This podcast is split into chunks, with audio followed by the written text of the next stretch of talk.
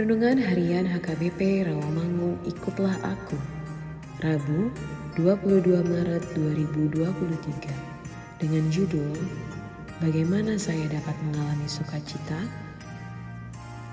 Bacaan kita pagi ini tertulis dalam Markus 13 ayat 14 sampai 23.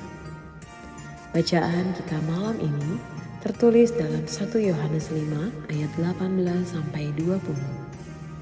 Dan kebenaran firman Tuhan yang menjadi ayat renungan kita hari ini tertulis dalam Ayub 33 ayat 26 yang berbunyi Ia berdoa kepada Allah dan Allah berkenan menerimanya.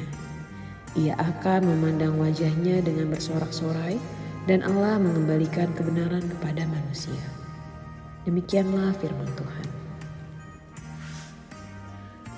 Sahabat, ikutlah aku yang dikasihi Tuhan Yesus Masa-masa kesedihan dan depresi dapat melanda kehidupan orang Kristen.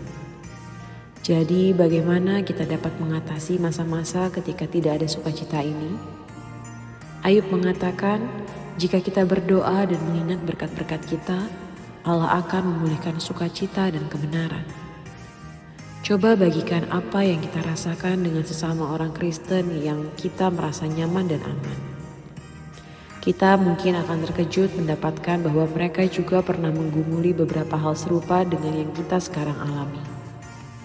Yang lebih penting untuk diingat, jika hanya berpusat pada diri sendiri, kita tidak akan pernah menghasilkan sukacita rohani yang sejati. Mengenal Kristus itu membantu memahami diri kita dengan sebenarnya dan seutuhnya. Melalui pemahaman rohani yang sejati kepada Kristus, tidak mungkin bagi seseorang masih memuliakan diri sendiri, tapi hanya dilakukan di dalam Kristus, dalam hikmat dan kuasanya, dalam kekayaan dan kebaikannya, dan dalam dirinya saja. Berdiamlah di dalam dia, dalam firmannya, dan berusaha untuk mengenal dia dengan lebih dekat. Kalau kita berdiam di dalam dia, dia berjanji bahwa sukacitamu akan penuh. Tidak ada yang dapat kita lakukan tanpa kuasa Allah. Bahkan makin kita berusaha mendapat sukacita dengan cara kita sendiri, makin terasa susah bagi seseorang. Beristirahatlah dalam tangan Tuhan dan carilah wajahnya melalui doa. Semoga Allah, sumber pengharapan, memenuhi kita dengan segala sukacita dan damai sejahtera dalam iman kita, supaya oleh kekuatan Roh Kudus kita berlimpah-limpah dalam pengharapan. Marilah kita berdoa.